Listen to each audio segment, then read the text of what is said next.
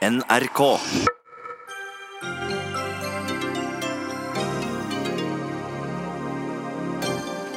De to motpolene i bompengestriden, Venstre og Fremskrittspartiet, blør begge velgere i en helt fersk meningsmåling som vi slipper nå. Mens Senterpartiet ja, de er snart dobbelt så store som Frp. Også Miljøpartiet De Grønne går forbi.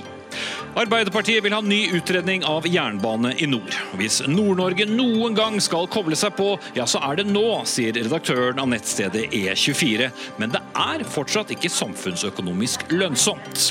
Senterpartiet snakker om ekstra gavante byer og vil ta bypakkepenger og gi til fattige distriktskommuner. Men alt de gjør er å splitte by og land, svarer Høyre. Og tre fagforbund med over en halv million medlemmer krever flere heltidsstillinger. Vi prøver, men blir motarbeidet, svarer helseministeren.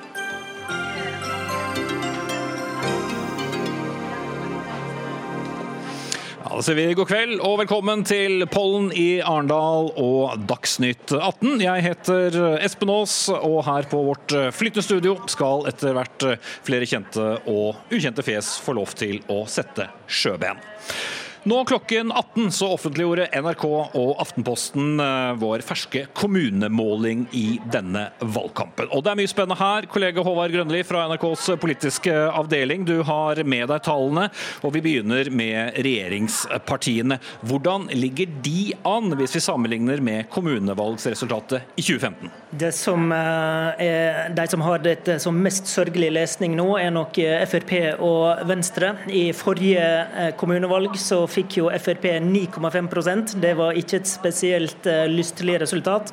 I målingene hele dette halvåret hos oss så har de ligget under 10% og denne som kommer nå, er den dårligste av alle til nå i år. 6,8% for Frp, mens Venstre, regjeringskollegaen, får sørgelige 2,3 2,3 Høyre 23% KrF 4,3 er ikke så dramatisk. Nei, Men Høyre ligger da mer eller mindre på samme nivå som for uh, fire år siden, som ikke var noe gledens valg for, uh, for Høyre? Høyre hadde 23,2 under kommunevalget i, uh, i 15. Nå har de 23 blank. Mm. Og så opposisjonspartiene. Arbeiderpartiet går litt fram fra vår forrige måling før sommeren. De skåra nå 27,3% I valget sist så hadde de 33, som var et relativt bra valg. De er altså langt unna det nivået med denne målinga. Og er det partiet som faller desidert mest? Hvis du sammenligner denne målinga med kommunevalget i 2015, så er Arbeiderpartiet nesten 6 prosentpoeng unna det nivået de hadde da, ja. Og så eh, SV gjør det relativt god måling, går fram og har 6,1. Men så er det jo eh, Senterpartiet da, i evig medvind som skårer 12,2% i denne eh, målinga. Hvis du husker tilbake til 2015-valget, så var, eh, var det jo snakk om at Senterpartiet skulle prøve å ta igjen Frp. Det klarte de ikke. Nå er de nesten dobbelt så store som Frp i denne målingen. Og er landets tredje største parti da på denne ja. kommunemålingen. Korrekt. Så har vi jo fløypartiene, altså de som ikke nødvendigvis tilhører noen av blokkene, nemlig Bompengepartiet, som jo ikke var med i kommunevalget i 2015. Og så har vi Miljøpartiet De Grønne. Hvordan gjør de det på det var, vår måling? Det var jo en voldsom mobilisering på dette litt sånn polariserende spørsmålet rett før sommeren. Det har roa seg litt nå, men likevel. Bompengelistene, eller FNB, får jo da 3,7% i vår måling. Og når en tenker på at de bare stiller i noen få kommuner og fylker, så er jo det fortsatt et jordskjelv. MDG hadde et vanvittig resultat hos oss i målinga før sommeren. Går litt tilbake nå, men er stadig på 7% 7% sier de vil stemme MDG i kommunevalget. Og så må vi jo ta med oss Rødt, som har stabilisert seg på et noenlunde nivå rundt sperregrensa. Nå opererer vi jo ikke med sperregrense i kommunevalget, men her ligger de på 3,8 etter våre tall. Mm.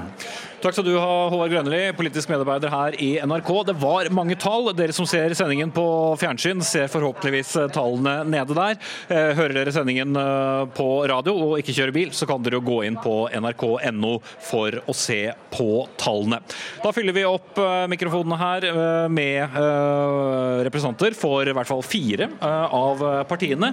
Og ja, Skal vi begynne med den som vi kanskje skulle syntes mest synd på her. Terje Søviknes, nestleder i, i, Fremskrittspartiet og ordfører i Os. En av de få ordførerne som Fremskrittspartiet har. Hvordan forklarer du en så kraftig tilbakegang? Nei, Det er jo del av en trend vi har sett uh, over noen måneder nå, der uh, våre velgere er litt avventende. Spesielt i forhold til de bompengeforhandlingene som pågår i regjeringa. Vi vil ha en avklaring på det, og det satser vi på at vi får på bordet snart. Og at vi deretter nå kan få fokus på det som virkelig betyr noe i et lokalvalg, nemlig de helt lokale, konkrete sakene som betyr noe for uh, velgerne i hverdagen. Og Da blir det fokus på eldreomsorg, utbygging av sykehjemsplasser, få Leve hele livet-reformen eh, opp og gå i alle norske kommuner. Og selvfølgelig kampen mot eh, eiendomsskatt. Eh, en veldig usosial eiendomsskatt som stadig Arbeiderpartiet og Senterpartiet fremmer i sine kommuner. Mm. Ja, Trygve Slagsvold Vedum, leder av Senterpartiet, og på denne målingen altså landets tredje største parti, hvis vi ser alle kommunene da samlet. Det kan bli mye å innfri? Det som skjer er jo en helt naturlig reaksjon på en voldsom sentraliseringspolitikk som regjeringa fører. Tidligere i dag så møtte jeg Politiets Fellesforbund. De kunne også vise eh, tilbakemeldingene her fra Agder, der de sier helt klart, de tillitsvalgte, de som har uniformen på, at eh, politiet har blitt fjernere, det har blitt dårligere. Og det er, og det er tilbakemelding i alle distrikter. Og Det har vært problemet til Fremskrittspartiet. at De har stått i spissen for en del reformer som de som måtte jobber i etaten, ser at det har gjort hverdagen dårligere vi, vi og verre. Gå... Og da, da, da, straffes man også i valg. Vi kan, vi kan, eh, komme litt tilbake til men, men med en posisjon da som landets tredje største parti, så vil dere jo bli en maktfaktor hvis dette holder seg da eh, inn eh, i valget. Noen er jo litt spent. Vil dere sikte dere mer inn mot eh, et rød-grønt samarbeid, eller vil dere nå bruke makten dere til å snu dere mer også inn mot Høyre? Ja, men Lokalt så er det jo noen hovedsak for Senterpartiet. Det er at du skal ha skoler, sykehjem, barnehage, de grunnleggende tjenestene nært der folk bor. Og Da er det de andre partiene som støtter det lokalt i den kommunen vi vil samarbeide med. Og så har vi også vært veldig tydelige på at det må bli slutt på de nye rundene med kommunesammenslåing, trusler om tvang. Så partier som også vil samarbeide med oss lokalt, må da være enig i at vi nå vil bruke tida på å diskutere hvordan vi kan gjøre skoler og sykehjem bedre, og ikke bruke tida på nye tvangsrunder, Eller nye kommunekart og nye prosesser. Som ikke har noe med kommunevalg å gjøre, og heller snakke om det du nettopp nå er inne på. Jeg kan komme med en klar invitt, vi... der du f.eks. i Bjørnafjorden kommune kan få lov å samarbeide på borgerlig side med okay. f.eks. Fremskrittspartiet, som har sagt at vi fryser den eh, skolestrukturen vi har i dag, og ikke går inn på noen nedleggelser. som du var opptatt av. For det der. Torbjørn Røe Isaksen, eh, medlem av Høyres eh, sentralstyre og stadig da næringsminister, selvsagt. Målet som ble uttalt for en stund tilbake om at halvparten av landets innbyggere skulle bo i Høyre-kommuner etter valget, kan kanskje se litt utopisk ut?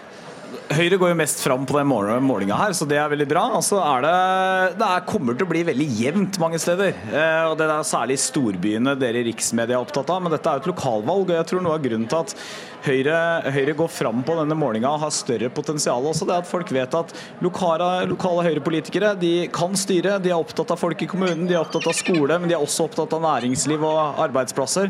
Pragmatisk forhold til, til veiprising og bom, samtidig som vi er opptatt av kollektiv og miljøløsninger. og Den helheten og ansvarligheten har jo ikke gått helt av moten, da, selv om noen i media forsøker å late som det. Men halvparten av landets innbyggere kommer neppe til å bo i Høyre-kommuner etter valget? Det kan, det kan godt hende, men da må vi nok enda litt mer opp. Eh, og det, som, eh, det vi så på, på, i forrige måling som dere hadde, det var jo at Høyre ja, det var, det var, ikke en så veldig god måling for oss, litt over 20% Mens nå går vi mest fram av alle partier på denne målingen. Vi vet at vi fortsatt har en del velgere der ute som sitter på gjerdet, er litt usikre. Og det er de vi kommer til å konsentrere oss om å snakke til og med. Og vi skal jo ikke bare snakke til dem gjennom Dagsnytt 18, vi skal banke på 700 000 dører og høre hva folk har å si, sånn som vi også gjør hele resten av året. Eh, så tar dere altså en del av velgerne til eh, Søviknes eh, parti, Fremskrittspartiet. De lekker mest til dere. Hvordan forklarer du det? Jeg, jeg, tror vel rett og slett det er sånn at uh, hvis du ser de seks åra hvor Høyre og Frp har sittet i regjering sammen, så har det vært sånn at uh, velgerovergangene har vært uh, gått fram og tilbake. og Det er vel rett og slett fordi at mange Høyre-folk ser at vi har samarbeida godt og lenge med Fremskrittspartiet, og mange Fremskrittspartifolk ser det, ser det på andre måten. Og så er jo det viktigste alt i alt for oss, det er jo å sikre at i flest mulig kommuner så kan man få et styre hvor, hvor de borgerlige partiene kan samles. Gjerne også med Senterpartiet. Det er mange kommuner hvor vi styrer godt sammen med Senterpartiet. Eh, og det sier jo litt om hva, hva, at det er egentlig lokale sakene, skole, helse, lokale veiene, som er viktigst nå. Mm. Grunnen til at vi da ikke har bare bare lokalpolitikere, vi har jo noen eh, i, i panelet, er jo også at uh, dette handler også om litt det store bildet og hva partiene ønsker videre. Uh, Bjørnar Skjæran, nestleder i Arbeiderpartiet. På denne målingen så får dere altså 27,3 som i og for seg er gode nyheter for Arbeiderpartiet, trass i at det er et ganske lavt tall i historisk uh, sammenheng. Men uh, hvis jeg skal pirke litt i det, um, alle de andre opposisjonspartiene går jo frem. Ja, vi, eh, vi, eh, har et stykke igjen til det nivået vi ønska være på, det skal jeg være helt klar på. Men samtidig er det sånn at starten på denne valgkampen, denne målinga, eh, partilederdebatten i går der Jonas ble kåret til vinner i de fleste mediene, det er en vitamininnsprøytning, en pangstart på vår valgkamp. Det ble han for to år siden òg, ja, men, men det følges opp nå med en måling som peker oppover, som har den riktige retninga. Og det betyr jeg har snakka med massevis av våre tillitsvalgte. Våre, vi har mer enn 350 ordførerkandidater som nå starter starter, som er i gang med valgkampen rundt om, der kommer vi til å drive en valgkamp over hele landet for sterkere fellesskap. Og der kommer vi til å, eh, å gå til valg på at vi skal få rydda opp i den cowboykulturen, stoppe den sosiale dumpinga som skjer i deler av arbeidslivet vårt, og satse på faste, hele stillinger. Vi går òg til valg på at vi skal styrke, styrke fellesskolen vår, og det er gratis skolemat som er det viktige nå. Og det siste, det handler om eldreomsorgen, der vi sier nei til bestemor på anbud, der vi vil ha høyere kvalitet, ikke høyere utbytte. Mm. Men uh, altså, Det er stadig et lokallag, men, men Søviknes, hva er litt forklaringen av deres nedgang og muligens også lekkasje? Ikke så mye det lokale, men rett og slett hva som skjer på rikspolitisk plan? Ja, Når jeg reiser rundt i, i, landet nå og besøker våre kommuner og fylkeslag, så er det stor optimisme, og det er mange som legger fram gode lokale saker. og Det er det som er lokalvalgkamp. Det er kandidatene lokalt, og det er de lokale sakene. Og Det å løfte da enkeltsaker som er viktig for innbyggerne i hverdagen, det blir viktig for oss nå framover i, i valgkampen. Og det er klart, ja, en viss regjeringsslitasje kan det ligge bak der, men eh, mye tror jeg står og faller ved det, de bompengeforhandlingene som vi nå eh, er i ferd med å avslutte. For Vi må tilbake til 1983 faktisk, for å finne en lavere oppslutning i et kommunevalg enn på, på denne uh, målingen. Men nå står jo også litt slaget her om byene, Torbjørn Risaksen, som også er i så fall det som skal komme dere noe i nærheten av, av målet. Og Mye handler jo nettopp om byer i de bompengeforhandlingene forhandlingene uh, som uh, pågår. Litt vanskelig skvis? Nei, eller ja, vet du hva. Altså, det er feil å si nei. For det er klart at bompengesaken eh, har vært vanskelig. Fordi at eh, jeg tilhører et parti som har, eh, har stemt og er, er, for at vi skal kunne bruke bompenger. Det, det er Trygve Slagsvold Vedum. Det er Bjørnar Skjæran i Arbeiderpartiet også. Fremskrittspartiet er vel det eneste partiet som har vært konsekvent, selv om de også da, som alle partier, har måttet kompromisse i regjering.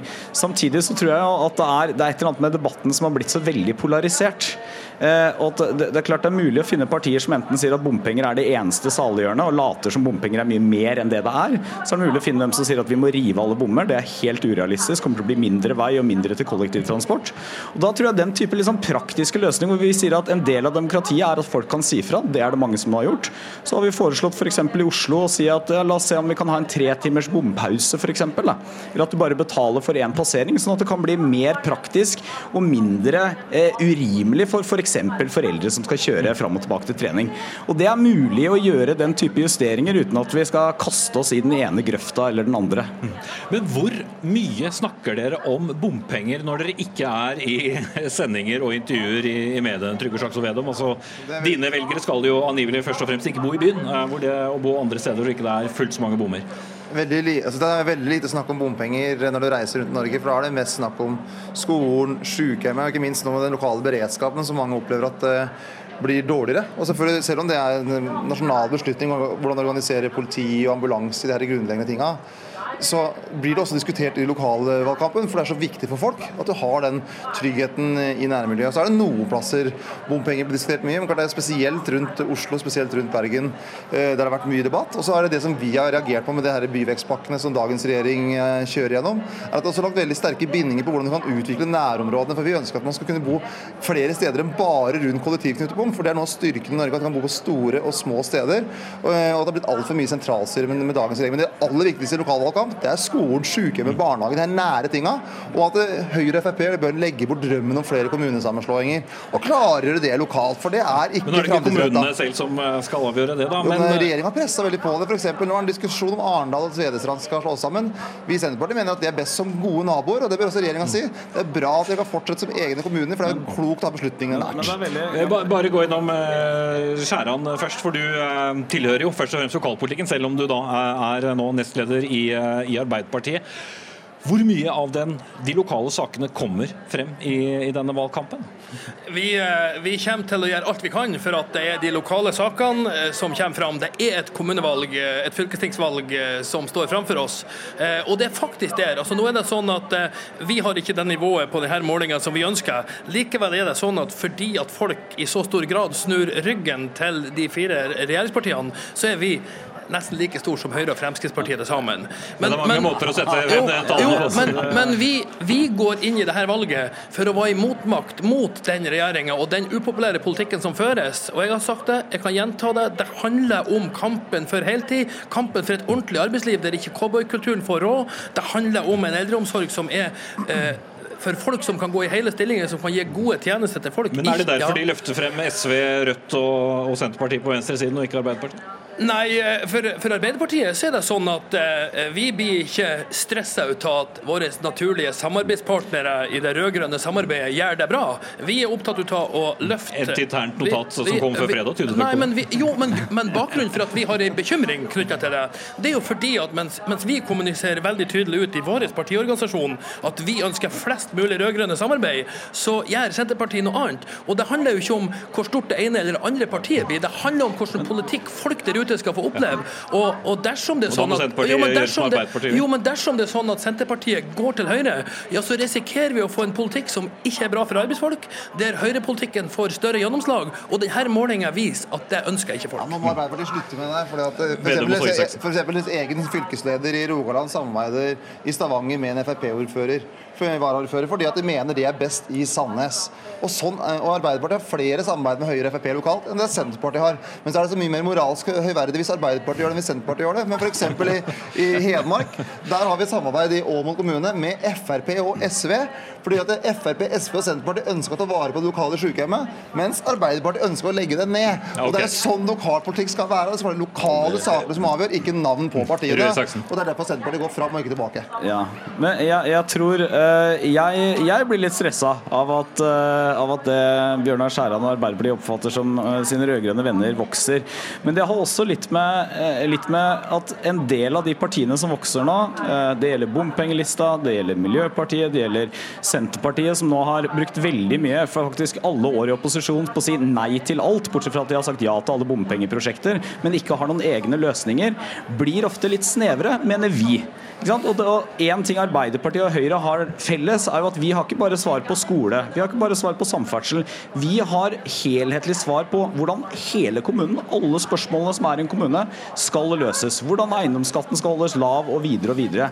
Og Det tror jeg også er, eh, er en diskusjon som er viktig for mange. og Jeg tror mange kommer til å se på det, for da du velger jo tross alt ikke bare eh, et parti. Du velger i hvert fall ikke en statsminister denne gangen her. Du velger hvem som skal være Ordfører representant i kommunen din. Og ellers i sitt kommunestyre. Og eh, Terje Søviknes, eh, en av få Frp-ordførere som ble stemt inn for eh, fire år siden. Hvor trygg er du? Målingene går ikke bare din vei, selv om du ligger relativt godt an? Nei, vi skal jobbe knallhardt fram mot 9.9, og det skal alle våre kommunepolitikere rundt omkring. Og så tenker jeg at det er viktig at man i kommunene får styringsdyktige og handlekraftige flertall. Og Det må man finne ut av lokalt. Og Vi håper jo at det flest mulig da velger en blokk eh, på høyresida, sånn at man kan få en ja-holdning i forhold til bolig- og næringsutvikling, skaper vekst og utvikling i kommunene. Det er det som skaper gode tjenester til slutt til innbyggerne. Og Da skjønner jeg at Arbeiderpartiet er litt bekymra når de andre opposisjonspartiene, hvis vi tar regjeringssituasjonen i hvert fall, vokser fordi de i mange kommuner der de har håp om å få flertall, blir avhengig nå av Rødt og SV. og Det skal bli ganske krevende for dem, fordi man får en veldig radikal lokal politikk lokalt, det, som er krevende for eh, innbyggerne òg. Ikke minst i forhold til eh, eiendomsskatt. velgerne om under fire uker å uh, avgjøre. Torbjørn Isaksen fra Høyre, Terje Søviknes fra Fremskrittspartiet, Trygve Slagsvold Vedum fra Senterpartiet og Bjørnar Skjæran fra Arbeiderpartiet. Takk skal dere ha. Og vi, folkens, vi skal ikke gi oss helt med denne målingen, for vi skal analysere de tallene som dere forhåpentligvis har fått satt dere bitte lite grann inn i via uh, våre kommentatorer, nemlig vår politiske kommentator i NRK Magnus Takvam og politisk redaktør i Aftenposten Trine Eilertsen. Og Magnus, et uh, interessant uh, trekk her er altså Venstre og Fremskrittspartiet. To motpoler i en bompengediskusjon som fortsatt pågår, men begge sliter. Ja, det er jo uh, illustrerende. Uh, I partilederdebatten i går var kanskje den eneste nyheten at uh, Erna Solberg varslet en snarlig løsning på bompengeforhandlingene internt mellom de fire partiene. og der er, du, er, som du sier, disse to partiene på hver sin side, og begge er avhengig av å kunne få en såkalt seier etter de forhandlingene. Samtidig så bygges det jo opp forventninger, som vi også hørte i debatten her fra Fremskrittspartiets side. Eh, at de hele tiden venter på denne løsningen, som om det skulle føre til eh, et valgskred for dem. Jeg eh, er redd for at løsningen ikke blir så god. Det blir at det er umulig å få en så god løsning, rett og slett. Sånn at det blir et utrolig spennende punkt de nærmeste dagene. Mm -hmm. Trine Eilertsen, hva bør vi være mest obs på ut fra eh, disse uh, tallene? For som vi hørte, politikerne de, de, kan sette sammen prosentandeler på all verdens mulige måter, og sammenligne det med nærmest uh, hva du vil. Men hvis vi ser da sammenlignet for, for fire år siden, hva er det viktigste? Nei, altså Det er jo eh, interessant å følge Frp. og Jeg deler jo fullstendig Takvams eh, analyse om at denne voldsomme forventningen til hva de skal få ut av disse bompengeforhandlingene, eh, det tror jeg både velgerne og Frp selv kommer til å bli ganske skuffet, fordi at det fremstår som om det skal være et gullegg. Eh, og så jeg ville vært obs på Frp i fortsettelsen, og hva de gjør hvis de merker at det ikke fungerer. Og Det er litt sånn eh, vanskelig å se for seg hva sak det skal være. Og På hele borgerlig side ser vi jo at de partiene, eneste partiet som kommer godt ut av dette, er jo Høyre. Men de driver jo og flytter velgere innenfor blokken. Det eneste som klarer å flytte velgere på tvers av blokkene, er jo Senterpartiet. Eh, og sånn har det vært lenge. Eh, så det vi følge med på. Og så er det jo selvfølgelig bompengepartiet. og Se hvor sterkt er det? Er det en masse velgere som sier vi vil bare gi en beskjed, eller er det velgere som sier dette tar jeg med meg helt inn i valglokalet? Litt vanskelig å måle de også på denne, i og med at de ikke er etablert i, i alle kommuner. Men Arbeiderpartiet, da, eh, som gjorde et veldig godt valg i 2015, hadde da 33% På denne målingen, som har vært bedre enn noen andre målinger, så er de da på rundt 27 Puster de da lettet ut med så lave tall? Det er klart Arbeiderpartiet er jo glad for enhver måling som, eh, som, gjør at de kryper litt oppover. Det er jo ørlite grann på vår måling fra forrige gang. Eh, men det er alltid en usikkerhet om metoder som eh, instituttene bruker. Vår måling vekter såkalt mot valget i 2015, da som du sier Arbeiderpartiet fikk 33% og da er det klart det er en viss mulighet for at, at man justerer tallene opp noe. Men det er eh, et spenningsmoment. Kanskje har de i hvert fall klart å stanse eh, fallet eh, av velgere. Mm. Men Senterpartiet fortsetter og fortsetter. I går hadde vi NHO og LO her, som også var veldig spent på hva som nå skjer med Senterpartiet. Vil de gå inn for mer private tjenester? Kan de nå virkelig bli en maktfaktor i, i dette, etter dette lokalvalget, og som kanskje kan gi noen interessante skygger inn mot neste stortingsvalg? Altså, det er alltid en fordel for, en parti, for, et parti å bli utfordret fra flere andre partier. Da er det i mange debatter, mange av sakene deres kommer på dagsordenen. Og nå, Når selv Arbeiderpartiet og Senterpartiet nå driver og diskuterer fordi de konkurrerer om velgerne, så gagner jo det først og fremst Senterpartiet, kan det se ut som. Det kan endre seg. Eh, men de er i hvert fall et sted der de har eh, veldig høy troverdighet på alle sine saker. Venstre prøver å utfordre Senterpartiet, ser ikke ut som det virker. Høyre prøver å, å, gjøre det, men litt sånn eh, de vil bare stå i ro og har ingen egne løsninger. Det har ikke fungert. Kan hende det endrer seg, men foreløpig har det ikke fungert. Og de har en, en kjempemulighet til å vokse videre, de altså. Mm. Noen snakker om at de håper på at velgerne på gjerdet skal hoppe ned. men hvor store endringer er det grunn til å tro at vi kan få på de fire ukene som er igjen? Altså Nå viste jo valgundersøkelsen fra 2017 at det skjedde faktisk en god del endringer i løpet av valgkampen. Slik at uh, de partiene som, uh, som merker at det brenner nå, har selvfølgelig eh, det håpet. Men la oss ta et parti som Venstre f.eks., som har elendige tall her. Den samme undersøkelsen fra Årdal og co. viste jo at i 2017 fikk de 34 eh, av Venstres velgere den gang var taktiske velgere fra Høyre. Det er klart at det momentumet har, har man ikke et lokalvalg på samme måten. Så jeg, jeg, tror at det brenner litt under beina til Trine Skei Grande. Mm. Takk skal dere ha, eh, Magnus Akvam fra NRK, Trine Eilertsen, politisk redaktør i eh, Aftenposten. Dagsnytt 18 alle hverdager kl 18.00 på NRK P2 og NRK2. Selv om uh, kanskje ingen går i tog for å feire det, men det er i, i høst 110 år siden den siste delen av Bergensbanen ble 109. offisielt, 109, ble offisielt uh, åpnet. Um, og uh, på samme tid så var det da altså planlagt at Norge skulle få Nord-Norge-bane, men den ble aldri lagt lenger enn til Bodø. Den siste åpningen var da på tidlig 60-tall. Og selv om Jernbanedirektoratet leverte en utredning i juli som viste at jernbane mellom Fauske og Tromsø ville koste minst 100 milliarder kroner og være samfunnsøkonomisk ulønnsomt, så skriver du, Gard Micaelsen, som nylig korrigerte meg på årstallet her, du er redaktør i E24, og forresten opprinnelig da fra Andøya, i en kommentar at dersom Nord-Norge noen gang skal kunne koble seg på jernbanenettet, så er det nå. Men det er vel egentlig besvart? Eh, altså Hvis vi løfter blikket tilbake til 1909, da Bergensbanen åpna, så ble den bygd, kosta et helt statsbudsjett og ble bygd til sterk motstand fra alle på Stortinget. I hvert fall de som kom fra Oslo. Eh, og det er klart at eh, Nord-Norgebanen, tog fra Fauske til Tromsø, kanskje lengre, er en av de uløste infrastrukturoppgavene i Norge. Det, det liksom, Vi har et halvferdig, uferdig land når det gjelder jernbane nordover. Og Hvis vi noen gang skal gjøre det, så må vi gjøre det nå mens vi ennå har ganske, godt, ganske god økonomi en 20-30 år til før oljealderen er over. Mm. Men du driver jo selv et eh, økonominettsted. Det er ikke noe som noen sier er lønnsomt samfunnsøkonomisk? Nei, men Bergensbanen var ikke lønnsom den heller. Og det er ganske mye vi gjør som ikke er lønnsomt hvis du ser på en del samfunns, hvis du ser på en del store infrastrukturprosjekter. Men hvor mye den har å si for nordnorsk næringsliv, for fiskeri, for reiseliv og næringsliv ellers i hele landsdelen, tror jeg er vanskelig å beregne samfunnsøkonomisk.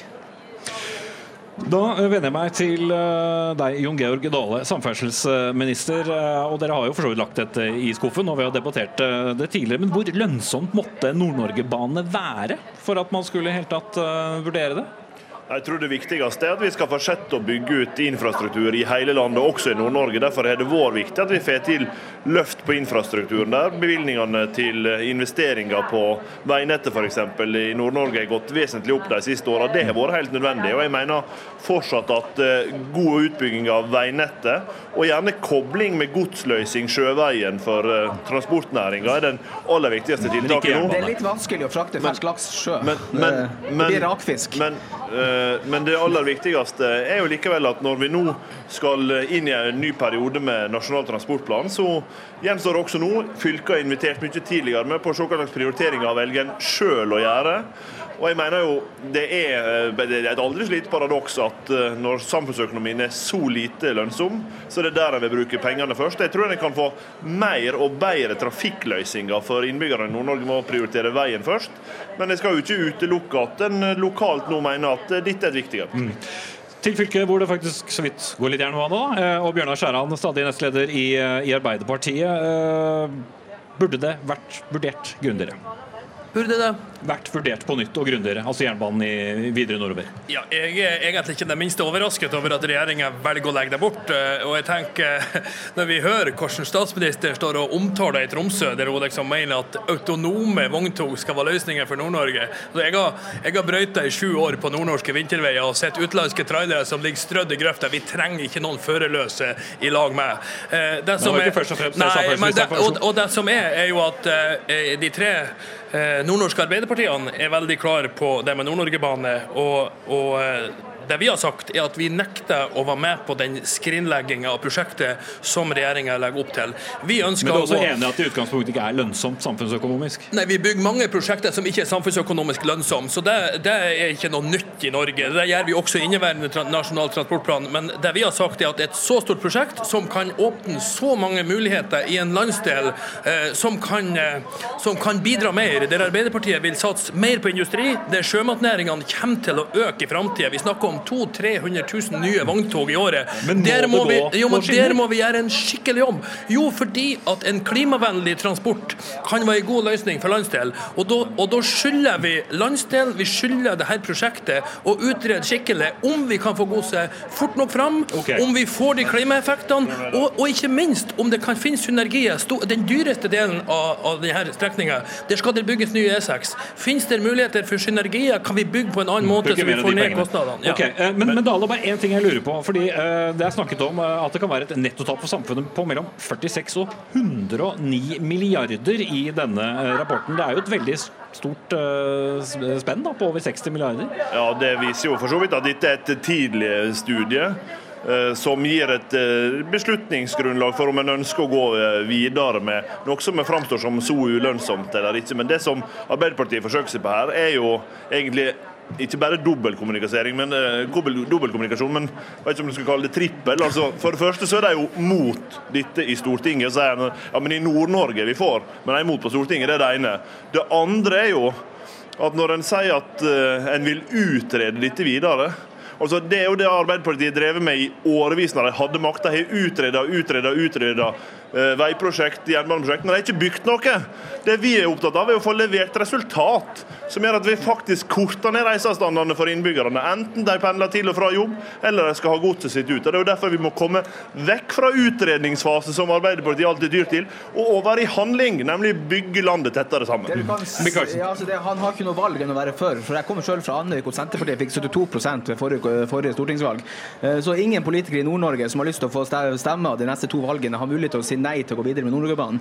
Eh, Det som utredningen ikke tar opp i seg, er jo Jeg tror ikke den i stor nok grad tar opp i seg den enorme veksten sjømatnæringa har foran seg. Dette Den tar heller ikke opp i seg mulighetene som ligger langs reiseliv og, og transport utover å være lokaltransport i Nord-Norge. Og for det tredje så har den ikke tatt opp i seg den kostnaden som vil komme med transport langs vei framover. EU vil ha minst 50% av transporten over på eh, vei, eh, over på tog eller sjø. Det er vanskelig å frakte laks på sjø, eh, og kostnaden av å kjøre gods på vei vil bli ganske dyr når du betaler for utslippene dine. og Det kommer til å bli dyrere enn de her milliardene. Men det kommer jo til å ta så lang tid å skulle bygge ut jernbane at den fisken må nå fraktes på alt annet enn jernbane i veldig veldig mange år fremover uansett. og da er vel også argumentet da, bl.a. fra regjeringen at da vil det komme frem andre løsninger. Nei, eh, vi har nettopp tidligere i dag vært i en diskusjon som handler om elfly, som er spennende på kortbanenettet, men det er fly som vil først og fremst handle om å frakte folk. Mm. Når vi snakker om, når vi snakker om de godsmengdene det her er snakk om, og da må jeg få legge til, for Arbeiderpartiet er det sånn at vi ønsker å satse mer på industri i nord. Vi vet at sjømatnæringene kommer til å vokse. 80% av havområdene våre ligger i nord, halve arealet. Og da har vi sagt at altså, det Jon Georg Dale og hans regjering har gjort, det er at de har brukt noen få kroner på ei, på ei utredning som ikke holder mål, som kun er egnet til det som er deres ønske, nemlig å legge det her bort. Du sier du har ja, men, ja, men, jo, men, ja, men hør her. Vi står ved de prioriteringene vi har gjort i Nasjonal transportplan. Vi ønsker å fortsette utvikling av stamveiene. Og de som sier at de skal liksom starte å bygge Nord-Norge-banen i morgen, det er ingen som kan ta det alvorlig. Det vi sier at vi må gjøre det her skikkelig, fordi at vi har Ja, så du må ambisjoner. Vi utrede det en gang til? Nei, men vi går inn i det her visjonært positivt, fordi at vi ser at det vil være bra for landsdelen og bra for Norge. Nå da. Ja. Nå, ment alt det er mulig å mene i denne saka i løpet av én og samme debatt. og Det viser jo at det, det er jo egentlig bare å trenere, så de kommer seg etter valget for å hive det tilbake i den skuffen som stortingsgruppa Arbeiderpartiet har sagt det skal ligge i, som nå er strategien. Det som nytter, er å investere massivt i å bygge Nord-Norge bedre og tettere. Derfor må vi investere i veinettet vårt. Det er de investeringene som ligger i Nasjonal transportplan. Flere av dem er planlagt. Vi må ha høyere tempo i gjennomføring av det. Fordi de som har kjørt bil i Nord-Norge vet at det er, eh, det er ikke alt som er vogntogvennlig. Nei, det er jo det ene, men det er, det er en rekke tiltak som må gjøres for vi forbedrer veinettet i Nord-Norge. og det, Da må vi liksom bruke energien vår på det nå. Og så har jeg sagt, Hvis vi gjennom Nasjonal transportplans arbeid videre nå kommer fram til at vi trenger andre løsninger enn vi tidligere har fått tatt- sett for oss, får vi ta det da. Men dette forslaget fra Arbeiderpartiet er ingenting annet enn et forslag bare å snakke seg rundt det som er poenget. De vil utrede infrastruktur der vi vil bygge infrastruktur. Ja, det må selvfølgelig utrede før det skal bygges, men jeg tror nok at etter valget kommer han også tilbake til det. Han har ikke noe valg.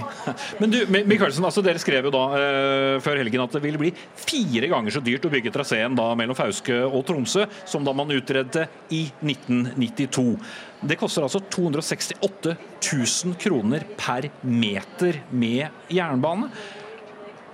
Da er det jo bare, altså La gå at det er dyrt å vente, men det er kanskje gått så langt at det er blitt for dyrt? Eller det er det som er konklusjonen for så vidt rapporten? Det skal heldigvis de få lov å prioritere mellom. Vi får se hvor mange valgløfter de kommer. Men klart at det er dyrt å bygge jernbaner, det er dyrt å drive, og det er dyrt å bygge tunneler. og Det er dyrt å bygge tunneler som skal ha doble løp og sikkerhetsutganger osv. osv. Men klart at det er som du sier at det blir ikke noe billigere om 10 år eller 15 år eller 20 år. Og på et visst tidspunkt framover i tid så har ikke Norge de ressursene økonomisk som vi har i dag. Eh, Nå har vi fortsatt ganske romslige budsjetter som bare øker og øker og øker. øker. Altså Her er det politikere som ikke trenger å prioritere. De kan bare få mer og mer penger og bygge mer og mer. Eh, Og innenfor det så har de muligheten til å prioritere Nord-Norgebanen hvis de vil, mens vi ennå har øko- økonomi til det. Og hvor ville dere hentet de pengene fra, Skjæran? Nei, det vi sier at vi skal utrede her skikkelig, og så er vi i stand til å prioritere når vi har kommet dit, når vi har fått den konklusjonen. Men, jo, men samferdselsministeren han har altså ikke tatt seg bryet å se på. Han har selv etablert selskapet Nye Veier for å se om han kan bygge vei rimeligere. Når det gjelder jernbane i nord, når det gjelder jernbane i nord, så kan han ikke engang tenke seg til å se om det finnes synergier med ny E6. Han kan ikke engang se på andre måter å bygge på om vi kan ta ned kostnadene. Vi ønsker å utrede her skikkelig. Nord-Norge trenger også klimavennlig transport hvis landsdelen skal kan levere det landsdelen bør levere til fellesskapet. Arbeiderpartiet prøver å kjøpe seg tid til å prioritere dette vekk etter valget. Det er ingenting annet enn et forsøk på å lure velgerne. Det som skal til for å bygge Nord-Norge videre, er å satse på de prosjektene som ligger i NTP, øke gjennomføringa. Derfor bygger vi nå utrød f.eks. Kvænangsfjell i regi av Nye Veier, fordi det går raskere, billigere og bedre enn når Statens vegvesen bygde vei. Det er en av grunnene til at vi gjennomfører store reformer. Reformer som Arbeiderpartiet er imot. Reformer som sparer penger, som gjør at vi kan investere mer i nord. Penger vi ikke hadde hatt hvis Arbeiderpartiet hadde hatt innvirkning. Dette er ingenting annet enn et forsøk på å kjøpe dere tid. Men dere som, som er så opptatt av å kunne gjøre ting eh, billigere, da kunne man ikke også bygget jernbane billigere? Er det, Jo, bare, det er kan- det bare jernbanen man kan bygge, nei, det, man kan bygge nei, billigere? det kan en åpenbart. En er helt nødvendig å få ned kostnadene også på utbygging av jernbane og få opp samfunnsnytta i mange av de investeringene. Og vi skal inn i en storhetstid for norsk jernbane når vi nå investerer mer enn vi har gjort noen gang tidligere. Bare, Bare ikke i Nord-Norge. Jo, men altså, det, det det. Altså, hvis vi får til bedre tilbud, f.eks. kobling mellom jernbane og sjø i Nord-Norge, strålende bra. Vi kan også gjøre flere andre ting på jernbane i nord som bedrer tilbudet til befolkninga. Viktige tiltak, men den må av og til evne å prioritere. Min påstand er Arbeiderpartiet prøver å prioritere en utredning nå, så de kan bortprioritere prosjektet etter valget. Men var det en liten eh, halvåpen dør? Ja, men Det har hun sagt hele tida. Vi skal inn i en nasjonal transportplanprosess. Der involverer vi nå fylkeskommunene mye bedre enn vi tidligere har gjort. Hvis de mener at Nord-Norge-bane er viktigst, det har de ikke ment tidligere, da får vi en potensielt annen diskusjon når vi kommer så. Ok, En liten døråpning, kanskje med litt, eh, litt knirk. Vi får se om den skal oljes. Takk skal dere ha, Jon Georg Dale, samferdselsminister fra Fremskrittspartiet, Bjørnar Skjæran, nestleder i Arbeiderpartiet, og Gard Michaelsen, redaktør for E24.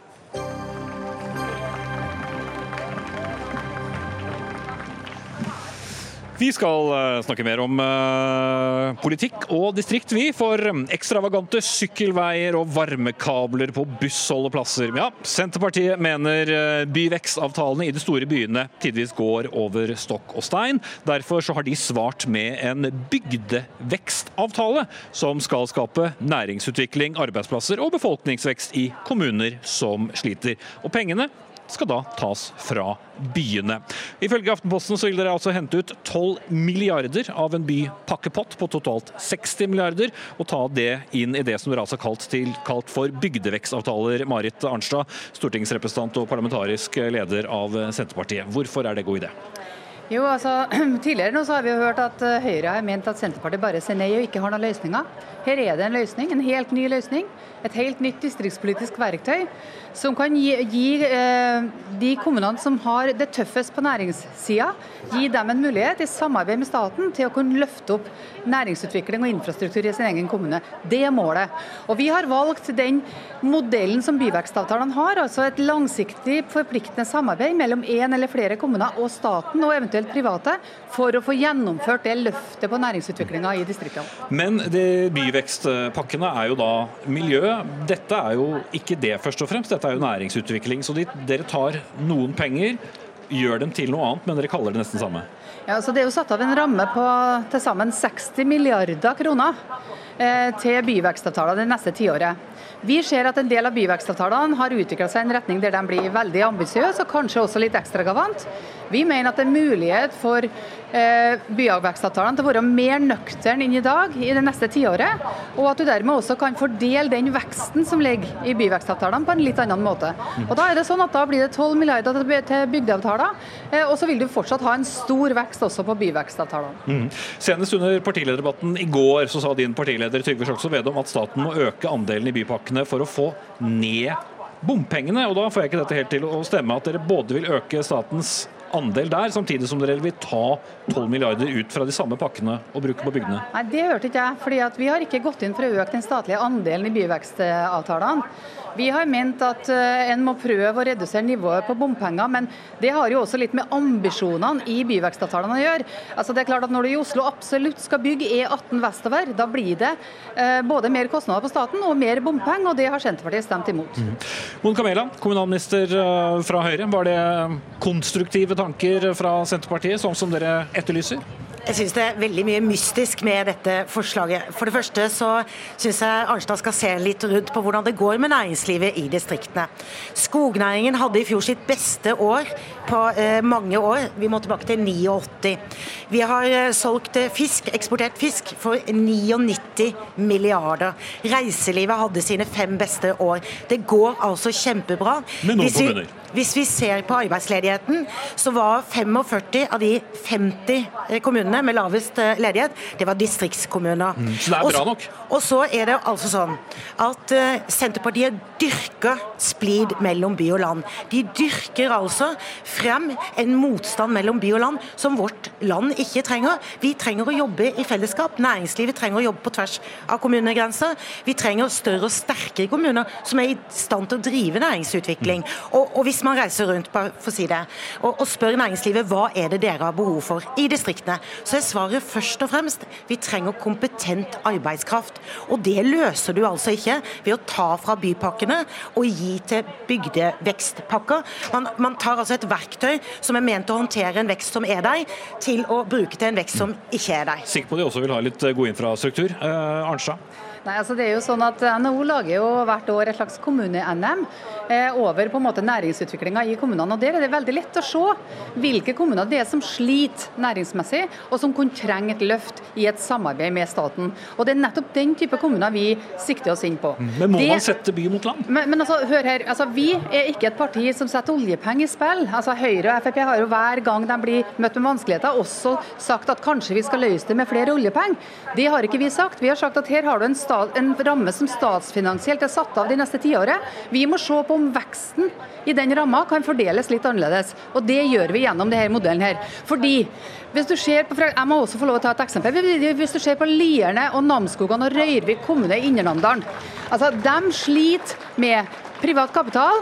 De sliter med infrastrukturutfordringer. Og Lierne sliter til og med med at de har privat kapital, men de mangler strøm. Regjeringa er ikke villig til å legge inn kapasitet nok på strømnettet til Lierne. Det kan du løse gjennom en sånn bygdevekstavtale. Okay, det var ditt eksempel. Jeg, jeg synes det er et veldig stort paradoks. Det er ikke så veldig lenge siden vi sto her og diskuterte kommunereform, hvor Senterpartiet altså hyller små kommuner. Jo mindre, jo bedre. Og det vi vet om små kommuner, det er at de har mellom null til ett årsverk å drive næringsutvikling, samfunnsplanlegging for. Nå skal man altså ha redningspakker for at kommunene er for små til å greie å gjøre jobben sin. Greie å tiltrekke seg kompetent arbeidskraft. Og det er helt riktig som du sa. Næringslivet ber om samferdselsløft, det får de. De ber om skattebetingelser som er konkurransedyktige, og de ber om kompetent arbeidskraft. Da må vi ha kommuner som kan håndtere det, og da handler det faktisk om størrelse. Ja, men nå snakker jeg da også om penger. og Bare for å gå konkret da på det som eh, Arnstad og Senterpartiet har foreslått.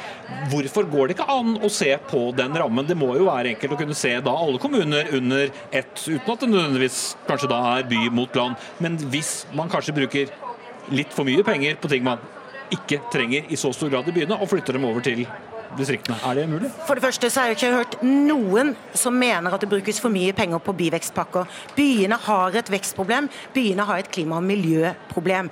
Det løser vi ved disse pakkene. Og så er det jo sånn at det de foreslår skal være en kortvarig lykke. For jeg skjønner ikke hvordan dette skal skape varige arbeidsplasser i bygdene.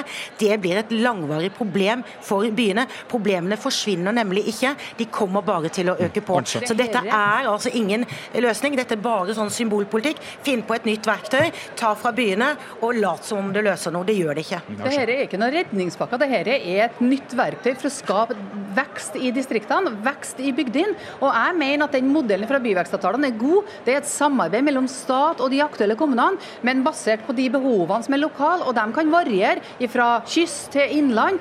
Men det vil være et langsiktig og fornuftig og forutsigbart distriktspolitisk verktøy i en tid da denne regjeringa har ribba distriktene for verktøy ja, i nesten i alle Men for å eh, forstå det, altså det er en slags sånn startkapital, og så skal det kunne drives eh, lønnsomt? Nei. Hvis du ser på byvekstavtalene, så vil du se det at der er det da et, et, et, lager du en samarbeidsavtale mellom eh, et departement eller regjeringa og de aktuelle kommunene. Den samarbeidsavtalen inneholder både mål, den inneholder tiltak, den inneholder hvordan du skal måle resultatene underveis, og hvor lang periode, samarbeidsperioden skal vare. Og så er det sånn at Du kan legge inn både kommunale midler, du kan legge inn private midler, og du kan legge inn statlige midler til sammen. Og Det tror jeg kan bli en kraftfull satsing i Distrikts-Norge i årene framover. Du må jo ha noen i kommunen som kan jobbe med dette, og det har du jo faktisk alt ikke, da, Marit å Arnstad. Så er, det, sånn, så er det altså ikke sånn at vi mangler næringspolitiske verktøy. Vi har altså økt opp de næringspolitiske verktøyene gjennom de siste seks årene med milliarder. Vi gjør det gjennom Innovasjon Norge, vi gjør det gjennom Siva, vi gjør det gjennom distriktsrettede og bedriftsrettede virkemidler. Derfor har vi rekordstort antall næringsetableringer, rekordstort antall gründere. Sorry, men Det Innovasjon Norge altså er mer griner. opptatt av gründere i New York enn gründere oppe i Namsskogan. det det er trengs egne virkemidler som er retta mot norske distriktskommuner, som i dag sliter næringsmessig, og som trenger et løft. Og eneste løsningen er da å hente penger Ja, Vi mener at det er en fornuftig eh, omfordeling av den veksten som ligger i den ramma på 60 milliarder. Og det vil fortsatt være en god brorpart igjen til byvekstavtalene. Hovedparten, faktisk. Mæland. Nei, Jeg er dypt dypt uenig, og jeg mener at Senterpartiet bevisst inviterer til splitt og hersk, til konflikt. Og det er ikke sånn at byenes løsninger eh, kommer til eh, å, å bidra til eh, Eller det at man tar fra byene, kommer til å løse distriktenes utfordringer. Vi tar ikke fra byene. Ja, men snakk med bedriftene, da. Ta en runde rundt og snakk med bedriftene hva de har behov for. Først og fremst er det kompetent arbeidskraft. De mangler folk, og det løser du altså ikke ved å ta noen penger og lage noen nye verktøy anbefale... og kaste de til kommuner som ikke har mennesker som kan jobbe med dette. Jeg vil anbefale, anbefale Monica Mæland å sette seg inn i og lese hva det er vi mener om bygdevekst, og kanskje forstå litt mer av det. Jeg snakker om bedriftene. du, du kan i så fall forklare det på veien ut. Takk skal dere ha, Marit Arnstad, parlamentarisk leder og stortingsrepresentant for Senterpartiet, Monica Mæland, kommunalminister fra Høyre.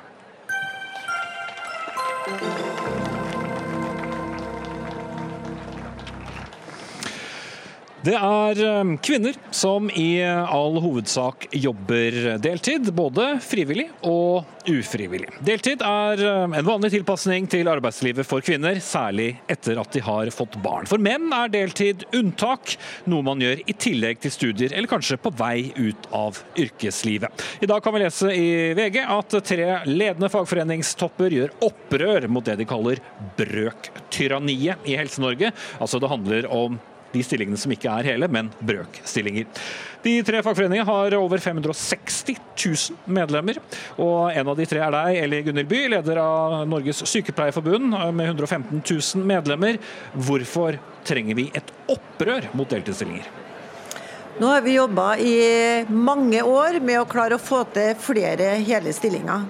Det er sånn at Fortsatt så er det to tredjedeler eh, av stillingene ute i helse- og omsorgstjenestene i kommunene er deltidsstillinger. For sykepleiere så er tallet litt bedre.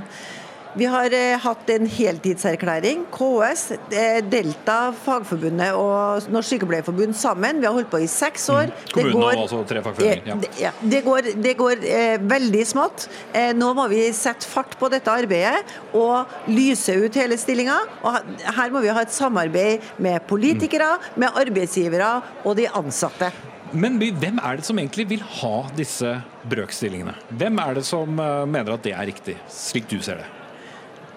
Jeg tror at mye av grunnen til at vi har så høye eh, deltidsstillingsbrøk i Norge, det handler både om kultur, og den senere tid så handler det også om å få eh, budsjettene og den økonomiske kabalen til å gå opp. Det er store variasjoner eh, i både kommuner og sykehus rundt omkring i landet. Det vi har klart å få til, er at noen, i noen grad så er det flere stillinger som lyses ut i heltid nå. Det har vært en kamp kampsak for oss å klare å få til å se få fakta på bordet. sånn at Skal man få eh, helsefagarbeidere og sykepleiere til å jobbe i hele stillinga, så er førstepri utlys hele stillinga. Mm.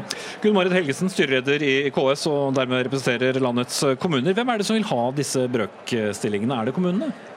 Jeg har lyst til å starte med å si at eh, KS er jo enig med de tre fagforbundene. Vi har hatt en erklæring sammen siden 2013 hvor målet er at det er heltidskultur som skal være normalen. Mm. Så dere vil heller ikke ha dem? Hva sa du? Dere vil heller ikke ha disse deltidsstillingene? Nei, helst ikke. Fordi vi får bedre kvalitet i tjenesten. Mer forutsigbarhet for brukeren. Bedre lønns- og pensjonsforhold for den ansatte.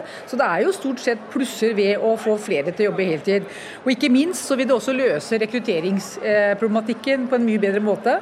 Hvis vi ser på noen av våre tall hvis vi hadde tatt... Vent litt med, med betalende, for jeg vil bare finne ut hvem det er som vil ha disse stillingene. Er det deg da, helseminister Nei, det er ingen Bent eh, Høie? Nei, definitivt eh, ikke. og Derfor har jo jeg òg stilt krav til til sykehusene at de skal redusere bruken av eh, deltid, og det har gitt eh, resultater. Siden 2011 så har vi fått en eh, økning på 20% knytta til heltidsstillinger. Det er en sterkere utvikling enn det vi ser andre plasser, men det er selvfølgelig vi er ikke i mål. Og dette er helt åpenbart. Jeg mener at den store deltidsbruken vi har i dag, det er først og fremst veldig dårlig for pasientene, fordi vi vet at de gir dårligere kvalitet. Vi vet at det er ikke bærekraftig for framtiden, fordi vi kommer til å mangle sykepleiere, vi kommer til å mangle fagarbeidere. Og det er sløsing med ressurser å tilby de denne type stillinger. Dessuten så er det òg eh, dårlig eh, likestillingspolitikk, for vi vet at 70% av de som jobber deltid, er kvinner. Og de vil bli rammet av dette gjennom et helt livsløp. Det slår ut de i pensjon, det slår ut de mulighet til å være selvstendig. Så dette er jeg er helt enig med fagforeningen i. Vi er nødt til å intensivere kampen mot uh, deltid i helsetjenesten. Men hvem slåss dere da imot alle tre, hvis ikke arbeidsgiveren, kommunene vil ha dem, sentrale myndigheter ikke vil ha dem, og heller ikke dine eh, medlemmer? Så hvorfor er det så vanskelig å få det avviklet?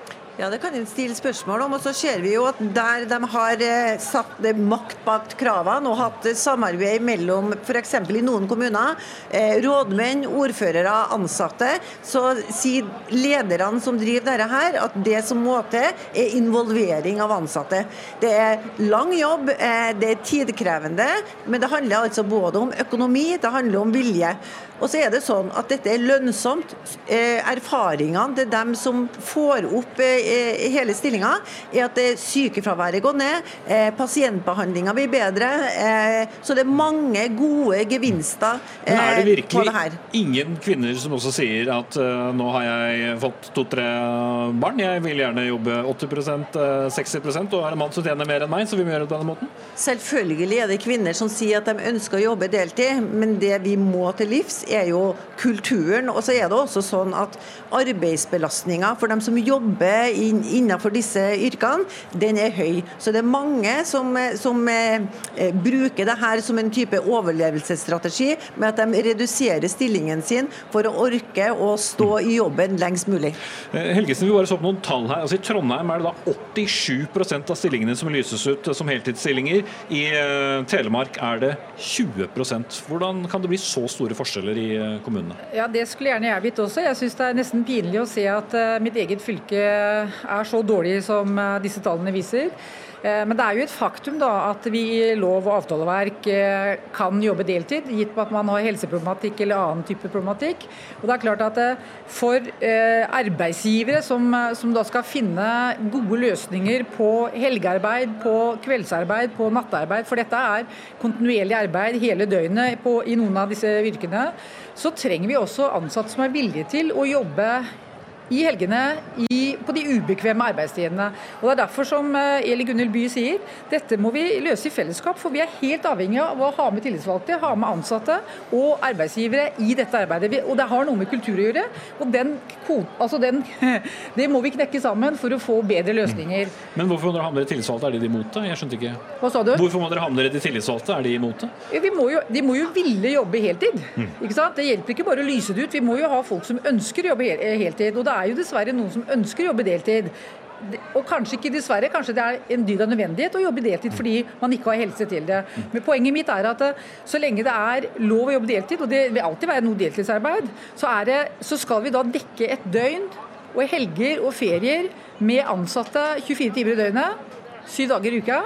Og det er en, Da må vi se på turnusordninger, vaktordninger, og så må vi få med de ansatte på at ja, her er ordninger slik at vi ønsker å jobbe sånn. Ja, og, og Høie, for å gi da det helsebudet som sikkert du også vil si i likheten med, med Helgesen at uh, du ønsker å gi, så må man kanskje gjøre noe med måten uh, man uh, jobber på. Hvis ikke så må vi jo fortsette å fylle opp med disse brøkstillingene for å få turnusene til å gå rundt. Så må vi jobbe på en annen måte. Ja, det er jo en av løsningene, det å få andre eh, lokale løsninger på gode turnuser. Det ser vi òg fungerer mange eh, steder, der en sammen med de lokale tillitsvalgte har avtalt eh, turnusordninger som gjør at f.eks. en sykepleier kan jobbe fjerde hver helg.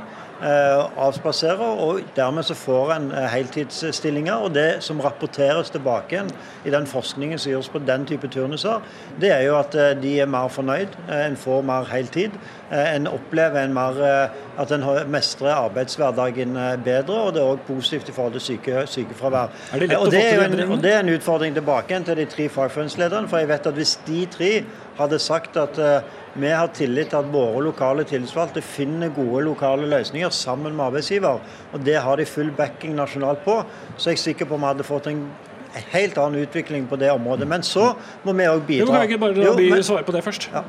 Ja, og De har jo fått det til mange plasser. og Det at man må se på hverandre for å klare å få til disse tingene og ha involvering, det er jo helt avgjørende. Så det, det, det... Lokale tilpasninger av turnus kan være greit hvis de som jobber der er enige. Det trenger ikke å være, uh, stå i strid med noe man mener sentralt. Eh, ja, her, her, er det jo mange ulike eh, poeng, men, men, ja, de har prøvd De har sett på dette flere plasser, og de har lykkes med det. Og, men igjen, det lederne som gjør disse grepene, har gjort, de sier det tar lang tid. Og man må ha involvering, involvering, involvering. Og det er ingen quick fix i dette. Jeg har lyst til å bare si én ting. Hvis det er kort. Jeg har med meg eh, tall, altså. Nyutdanna sykepleiere fra 2018. Bare 47% av dem fikk 100% stilling. Og ønsket mer. Og ønsket mer. I forrige uke så snakket jeg med, med Linda Merete Svela. Eh, eh, hun jobber som helsefagarbeider i Oslo. Har, sju, eh, har jobba deltid i sju år. Hun shopper fortsatt vakter. Hun har endelig fått seg en 55% stilling, men hun jobber over 100% stilling. Det er liv som ikke går opp eh, når det kommer til stykket. Og det er ikke sånn det skal være. At man skal ønske å jobbe 100 uten Nei. å få det til. Og Derfor har jo òg regjeringen, og det har vi fått stor ros fra bl.a. Sykepleierforbundet på, og styrke lovretten for de som er ansatt deltid til å ha fortrinnsrett eh, på stillinger. Eh, og Så må vi også jobbe, eh, så er jeg helt enig i det som du sier, at vi må også jobbe med kulturen, med ledelse. For det som det viser, iallfall fra sykehusene, at når jeg som eier stiller krav om at dette er noe som skal endres på, så får det konsekvenser. Det blir en annen positiv eh, utvikling. Og Det vi ser, er at det er enkelte sykehjem, enkelte kommuner, som hiver ut penger på vikarordninger, på Eh, sykefravær, på mange vakante stillinger, på store rekrutteringskampanjer.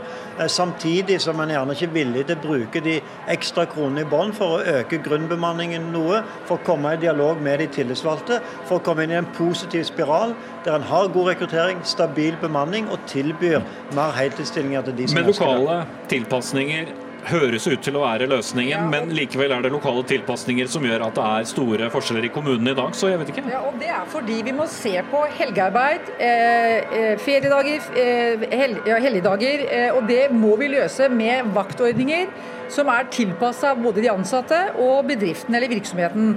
Og det er klart at vi, Alle kommuner er jo selvstendige til å gjøre dette. Vi ville jo aldri satt noen stengsel på at de får ikke lov til å gjøre noe. Men burde du presse dem mer?